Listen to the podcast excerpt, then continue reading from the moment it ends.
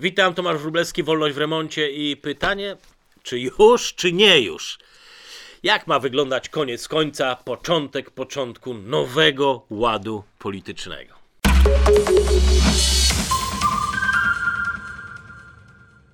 Przeskakuję w pośpiechu nad y, bieżącą eskalacją napięć, bo ani jedna śmierć irańskiego generała, ani retorsje same z siebie porządku świata nie wywrócą, tak jak zamach na księcia Ferdynanda w XIV roku sam z siebie nie powalił świętego przymierza. Teoretycznie, oczywiście, teoretycznie wszystko może wywołać lawinę, złamać tą kruchą taflę obecnego ładu politycznego, e, co pewnie dopinguje medialne gadające głowy do snucia katastroficznych scenariuszy. Ale Prawda jest taka, że nie sposób przewidzieć ani momentu, ani co będzie tym symbolem, początkiem zmian, wystrzałem z aurory. Nikt nie jest w stanie przewidzieć, jaki porządek polityczny obierze ludzkość w przyszłości, skoro nawet nie jesteśmy w stanie przewidzieć, jaki wielki nieporządek i chaos wprowadzić może ten obecny porządek.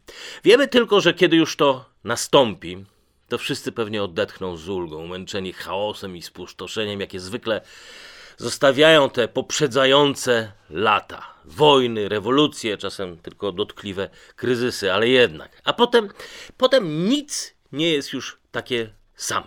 Państwa zmieniają granice, ludzie swoje wierzenia, a wszystkim znowu jakby bardziej się chciało. Pięknie to ujął e, Stanisław Cat-Maczkiewicz.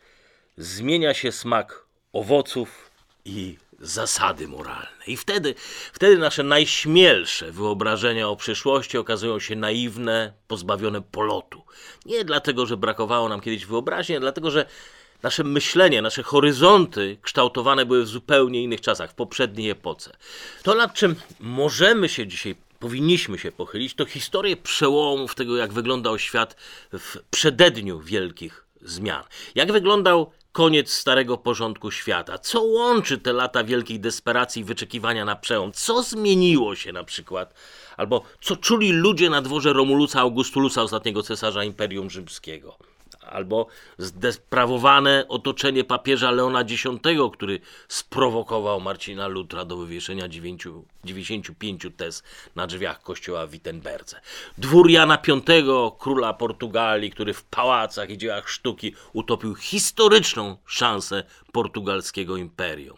To kapiące złotem dwory wiśniowieckich, osolińskich, radziwiłów, symbole złotego wieku okupione unicestwieniem potem Polski. To dwór szpiedzy Marii Antoniny i nieudolni reformatorzy zgilotynowanego króla Ludwika XVI. Car Aleksander i wojna krymska, której największą z przegranych bitew była ta o duszę chłopa pańszczyźnianego. Lista jest dłuższa, ale myśl zawsze będzie ta sama. Pisał o tym Arnold Toynbee było w połowie poprzedniego wieku, jeden z najwybitniejszych historyków, analityków i intelektualistów. E, pisał w książce e, Cywilizacja w czasie próby: Cywilizacja nie umiera z rąk mordercy, tylko śmiercią samobójczą. Wbrew rozmaitym progresywnym teoriom, to nienaturalny bieg zdarzeń powoduje, że z jednego ładu polityczno-społecznego przeskakujemy automatycznie do drugiego i że za każdym razem ten nowy ład ma być lepszy. Nie. To człowiek swoimi działaniami, często bezmyślnymi, utratą wiary, chęcią walki, sprawia, że coś się po prostu kończy w świecie. Tak jak w życiu. Tracimy wiarę, zapał i wypala się w nas dawny ogień albo albo czasem coś nas po prostu deprawuje. Daron Akemoglu i James Robinson e, w książce Wąski korytarz, wspominałem o niej już w poprzednich podcastach, rzecz dotyczy naszego współczesnego świata, równowagi między bezpieczeństwem a wolnością. Równowagi, która, jak twierdzą autorzy, jest zdarzeniem wyjątkowym, przypadkiem w historii, a nie naturalną konsekwencją, jakimś działaniem rozmaitych przypadkowych zdarzeń. Coś, co powstało i równie dobrze może się za chwilę rozpaść. Autorzy przywołują tutaj paradoks Czerwonej Królowej. E, pamiętacie Państwo może Alicję w Krainie Czarów, Louisa Carola. Alicja biegnie z Czerwoną Królową i nagle zauważa, że im szybciej biegną i się męczą, tym bardziej stoją w miejscu. Świat wokół nich się nie zmienia. I królowa wypowiada wtedy znamienite słowa. Widzisz, Tutaj musisz biec ze wszystkich sił, aby pozostać w tym samym miejscu. Nie istnieje coś takiego jak wyznawane przez progresistów prawo natury, nieuchronnie popychające ludzkość do najlepszego i jedyno, jedynego możliwego systemu politycznego. Raz, że nie zawsze okazują się lepszy. Dwa, że to, co dla jednych jest dobre, dla innych bywa po prostu katastrofą. Jednym słowem, mamy na to wpływ. Pytanie tylko, jak tym losem będziemy zarządzać. Jak już wspomniałem, nie jestem w stanie wskazać momentu, w którym nastanie nowy porządek, ale zawsze, zawsze on nadchodzi, kiedyś będzie. Co ruszy tą lawinę? Czy to będzie ktoś na miarę Johna Reevesa, stajennego, który ostrzegł mieszkańców Lexington przed Brytyjczykami? I jak pisał James Cadwell, kanadyjski pisarz, też wspominałem o tej książce, punkt przełomowy. Czy to będzie jego charyzma, która przesądziła o wygranej wojnie Amerykanów, bo ludzie uwierzyli mi, mu i ruszyli przeciwko Armii Królewskiej? Czy to ma być, nie wiem, płonąca Bastylia?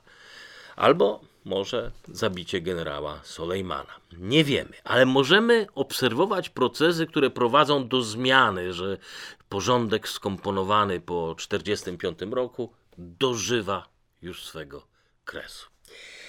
Wybitny ekonomista, laureat Nagrody Nobla John Kenneth Galbraith e, swoje dzieło o wielkim kryzysie 29 roku zaczął takim wiekopomnym zdaniem. Koniec jeszcze nie przyszedł, ale już był w zasięgu wzroku. Przyszłość kruszyła się już pod nogami, ale ludzie nie mogli sobie jeszcze wyobrazić, jak będzie wyglądała ich przyszłość. Od pierwszego wydania Great Crash Galbraitha minęło no, już jakieś 60 lat. Historia zatoczyła teraz wielkie koło. Najważniejsze instytucje i idee, które stworzyły zachodnią cywilizację, taką jak ją znamy, od Bretton Woods przez konsensus waszyngtoński, zapadają się właśnie na naszych oczach pod własnym ciężarem. Samuel Huntington, nieżyjący już amerykański profesor, chyba pierwszy nakuł bańkę zachodniego triumfalizmu, taką ponurą przepowiednią wszystkich sporów cywilizacyjnych, jakie nas czekają. Starcie cywilizacji, pamiętacie Państwo. W 1993 roku wierzył, że podziały będą przebiegały wokół wielkich geograficznych konceptów. Zachód, wschód, północ, południe, bogaci, biedni. W rzeczywistości nie przewidział globalizacji, procesów, które z jednej strony, jak potem twierdził Thomas Friedman, spłaszczyły Ziemię, zbliżyły nas do siebie, ale z drugiej strony, czego też Friedman nie przewidział, że ten lepszy, globalny świat zakłóci całe mnóstwo naturalnych więzi międzyludzkich. Nie oferuje za to zupełnie nowych rozwiązań. Tradycyjne miejsca pracy odejdą, ale te nowe nie stworzą nowej społeczności. To, co natomiast stworzą, to nowe linie podziału. Oni już teraz całkiem współcześnie pisze David Goodhart w książce Droga do gdzieś tam. Goodhart dzieli ludzi na ludzi stąd i ludzi znikąd, czy gdzieś tam. Tych globalnych, znikąd, mogących żyć w każdym otoczeniu, wykonywać zawody przekraczające wszelkie granice państw, kultur, języków. Nowy gatunek człowieka, jak ich nazywa, zsiecionowanego takie najwyższe stadium po plemionach koczowniczych, łowieckich, osiadłych, rolnych, miejskich, burżuazji, co tam jeszcze. Sieciowany człowiek, żyjący w chmurze, dla którego każda forma przywiązania, jak dla nomadów, to jest przeszkoda, bariera w osobistym rozwoju. Chcemy być obywatelami świata, migrantów, LGBTQ, skończcie z podziałami, jesteśmy tyglem rozmaitości. No i z drugiej strony ci, dla których miejsce ojczyzna, tradycja, rodzina to ich cały świat. I on też, jak pisze Goodhart, oni też stali się Brexitem, stali się partią pięciu gwiazd, AfD, no pewnie też w dużej mierze pisem. Oddajcie nam nasz świat. Haddington popełnił błąd. Granica cywilizacji nie będzie przebiegała wzdłuż i wszerz równoleżników czy południków. Nasze bitwy dziś to referenda Wielkiej Brytanii. Czasem to mogą być płonące barykady w Paryżu. Czasem będą to po prostu wydzielane dzielnice dla muzułmanów i innych. Christopher Cocker z London School of Economics w książce Narodziny państwowej cywilizacji twierdzi, że kultura i wyobrażenia o świecie, a nie ideologia, podziały na lewo czy prawo, kultura stanie się walutą wewnętrznej rozgrywce politycznej państw. Pytanie nie jest, czy zagłosujesz na rząd, który chce, nie wiem, niższych podatków i mniej świadczeń socjalnych, a może wręcz przeciwnie, wolisz państwo opiekuńcze i pal licho wyższe podatki. Nie. Dziś pytanie brzmi, kim jesteś? Jaką cywilizację reprezentujesz? Mamy doskonały przykład w Polsce. Wybór między prezydentem Dudą a kandydatem na prezydenta Robertem Biedroniem. To nie będzie głos na program to będzie głos na cywilizację. Czy głosujemy na ludzi stąd, czy na ludzi skądkolwiek? Są oczywiście inni kandydaci na liście, ale tak naprawdę ci dwaj, ci dwaj wyznaczą prawdziwą, cywilizacyjną oś sporu. Wybór, który zawierać będzie w sobie istotę sporów ostatnich lat. Od klimatu, przez LGBT, migrantów, ponadnarodową Europę. Spór o cywilizację państw, nie zachodnią, nie wschodnią, tylko naszą cywilizację. Później dopiero będziemy się pozycjonować jako państwo cywilizacyjne w kwestiach na przykład migracji czy ocieplenia.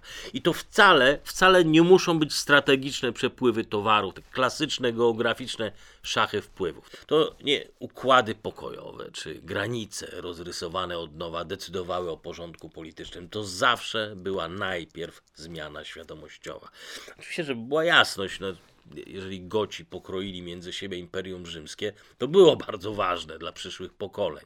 Ale już to, że w 476 roku barbarzyńca o imieniu Odoaker odsunął ostatniego cesarza Imperium Zachodniego Romulusa Augustulusa, było konsekwencją długich procesów, wieloletnich przemian świadomościowych. Pisał o tym właśnie Toynbee, tej powolnej śmierci samobójczej poprzedniego świata jak w przypadku Doakera, dziesiątki lat rozkładu cesarstwa. Święty Augustyn w państwie Bożym, w zasadzie w mieście Bożym, dosłowne tłumaczenie lepiej oddaje istotę rozprawy. Otóż święty Augustyn odpowiada tutaj w tym dziele wszystkim tym, którzy za upadek cesarstwa winili upadek wiary w rzymskich bogów. Na początek zwraca uwagę, że w przeszłości legioniści nie mieli problemu z obromą Rzymu. Jeżeli tym razem nie zdołali, to dlatego, że Rzym zgnił u podstaw. Rządza władzy i nieuczciwie grabione dobra zniszczyły lud, który niegdyś wyrósł do wielkości dzięki uczciwości, samodyscyplinie, wzajemnemu szacunkowi i odpowiedzialności. Rzymianie, Rzymianie wierzyli, że bronią cywilizacji przed barbarzyńcami, ale w rzeczywistości bronili ładu, który pozwalał im, coraz mniej licznym elitom, komfortowo funkcjonować. Austriacki historyk Walter Scheidel e, w książce Ucieczka z Rzymu pisze: Imperium Rzymskie umożliwiło nowoczesny rozwój, odchodząc i nigdy nie wracając. Stworzyło w ten sposób nowy system wartości, aspiracji, nowej dynamiki i rozwoju. Zobaczyliśmy nowy ludzki żywioł kiedy e, w 1095 roku papież Urban II na synodzie w Clermont mówił: Bracia wasi, żyjący na wschodzie, pilnie potrzebują waszej pomocy. Tej pomocy, jaką często im obiecywano, wy zaś musicie się śpieszyć z udzieleniem im jej. W 95 roku to mówi. W 96 roku wojska na prędce skleconej pierwszej krucjaty wkroczyły do Konstantynopola. Kiedy Jan III Sobieski na prośbę papieża zabiera wojska i rusza ratować Wiedeń, potem śle list do papieża Inocentego XI. Venimus, vidimus et Deus visit. Nie my, Bóg zwyciężył nowy system wartości, to oczywiście nowe prawa, czasem nowe kontury państw, nowe trasy strategicznych przepływów. Wszystko, wszystko jest ważne, ale niezależnie od epoki, najważniejsze jest to, co dzieje się w ludzkich głowach, w sercach. Nowa ożywcza energia, nowy system pojęć otwierający nowe możliwości. Francja w XVIII wieku przegrała w zasadzie wszystko, co miała do przegrania. Wszystkie wojny, w tym upokorzenia wojny siedmioletniej, bankructwo finansowe w 1789 roku, pożoga rewolucji, zostawiła kraj ze zdziesiątkowaną szlachtą inteligencją. Wszystkie, właściwie wszystkie spowinowacone królewskie rody Europy szykowały się do zmasowanego odwetu. A mimo to, w trzy lata później, w kwietniu 1792 roku, Francja wypowiada wojnę Austrii. Austriacka armia podaje się po 15 dniach. 9 czerwca. Francuska armia uderza tym razem na Niderlandy i walka trwa 10 dni. 19 sierpnia Prusy i wojska koalicjantów uderzają na Francję, podchodzą pod Paryż, pamiętacie, i dzieje się cud. Po zmianie linii frontu Prusacy uciekają. To nie koniec. Listopad 92 roku rewolucyjna armia Francji zajmuje Belgię. Wszędzie wkracza z hasłami Wolnej Republiki. Do 1812 roku każdy kraj w Europie albo był podbity, albo zawarł sojusz z Francją. Jak to możliwe, że z nicości, głodu, nędzy Francja była w stanie stawić czoła całej Europie? Jak z nieokrzesanej masy ludzkiej powstała armia zwycięzców? To nie armia powstała. Francja stworzyła pojęcie autonomicznej jednostki, tak napisał Pankaj Mishara, hinduski filozof sięgający głęboko do źródeł ludzkich niepokojów, żeby wytłumaczyć procesy historyczne. Szuka ich w literaturze, we wspomnieniach ówczesnych i jak napisał, stworzyła pojemniejsze pojęcie niż nadania ziemskie czy edukacja. Polityka przez stulecia monopolizowana przez elity zaczęła otwierać się na masy, na to ja, obywatel. Kiedy w 1792 roku wręczano karty pobogorowe z wpisanym na górze wolność, równość, braterstwo, to przyjmowali je z honorem. Nie uciekali przed przegranym losem, jak na, retali, na loterii. Setki tysięcy mężczyzn stawiło się bronić swojego państwa. Narodził się patriotyzm jako nowa, potężna broń, która zmieniła armię, a z nimi instytucje państw na następne 200 lat. Umiłowanie ojczyzny silniejsze od miłości własnej, wznoszące się ponad codzienne podziały stanowe, religijne, niechęci osobiste. Świadomy, lojalny obywatel gotów stawić się na każde wezwanie do armii poborowej. To on stanie się receptą na wygrywanie wojen i wypełnianie niedostatków rządzących przez kolejne setki lat. Coś, co stanie się później też istotą reform w Prusach, Wielkiej Brytanii. Armie patriotów, które potrzebować będą innego świadomego państwa narodowego, równego traktowania, demokracji dla obywateli. W Człowieku z żelaza Andrzeja Wajdy jest taka scena, kiedy wysłany z Warszawy człowiek od brudnej telewizyjnej roboty prosi o wódkę w knajpie i słyszy, że jest zakaz sprzedaży. Zakaz, który wydał Lech Wałęsa. Człowiek bez władzy, bez stanowisk, bez armii, ale mający coś, czego nie ma już upadający komunistyczny reżim. Wizję, chęć walki, prestiż, autorytet. Po drugiej stronie mamy artystycznie przerysowany oczywiście symbol degenerata, alkoholika, którego jedyną racją bytu jest obronić co zostało z ancien reżim, starego systemu, cywilizacji popełniającej właśnie na naszych oczach samobójstwo. Mógłbym tak brnąć przez wieki, ale to, co chcę, żeby zostało z tej pogadanki, to dwie myśli. Raz, nowy porządek świata nie rodzi się sam z siebie, powstaje wijąc się w konwulsjach gnijącego dawnego ładu. Dwa, nowy porządek świata nie powstaje na tablicach kreślarskich mądrych doradców, wielkich władców i generałów. Zmiana musi nastąpić w naszych głowach. Od tego będzie zależało, jakich czytamy poetów i z kogo my stworzymy bohaterów. No i może dodałbym jeszcze trzeci punkt odnośnie pytania postawionego na samym początku. Oczywiście nie mam pojęcia, czy Iran i zdarzenia ostatnich dni ruszą lawinę procesów. Pewnie nie. Ale to, co wiem, to że te zmiany już trwają zachodzą w naszym świecie od lat. Rozpadające się paradygmaty wolności, słowa, komunikacji, równowagi handlowej, monetarnej, Bretton Woods, konsensus waszyngtoński, przede wszystkim zmiany w idei tego, co sobie nazwaliśmy kapitalizmem, socjalizmem, wolnością, liberalizmem. Czy wszystko to w jakichś konwulsjach zacznie się wreszcie składać na nowy, wielopolarny świat cywilizacji państwowych? Pewnie tak. Czy rozerwie się worek, ład polityczny ułożony hen gdzieś kiedyś po 45 roku, po drobnej korekcie 30 lat temu? Pewnie tak. Czy dziś, czy jutro? Nie wiem, ale równie ważne pytanie dotyczy tego, co okaże się tej, tym najsłabszym ogniwem układanki. Edmund Burke, ojciec współczesnego konserwatyzmu w 1000 790 roku, w samym epicentrum rewolucji, wydał takie no, do dziś aktualne dzieło Refleksje o rewolucji francuskiej, gdzie napisał m.in. Państwo bez narzędzi do przeprowadzenia jakiejkolwiek zmiany nie ma narzędzi do przetrwania. Unia Europejska. Żadnych refleksji, żadnych zmian po Brexicie i dziś potencjalnie najbardziej zagrożona w konflikcie, jeżeli chodzi o Iran.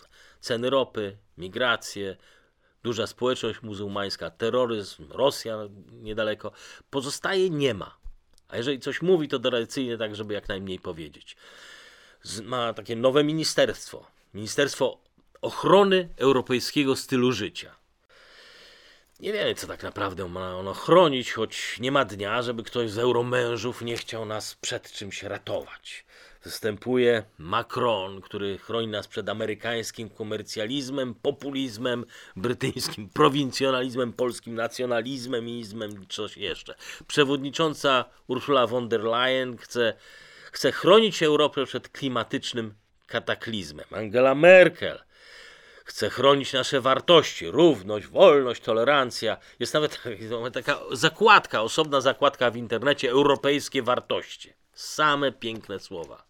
Kiedyś faktycznie prowadziły ludzi na barykady, zdobywały nowe lądy i nikt nie potrzebował do tego Ministerstwa Ochrony naszego stylu życia, naszych ideałów.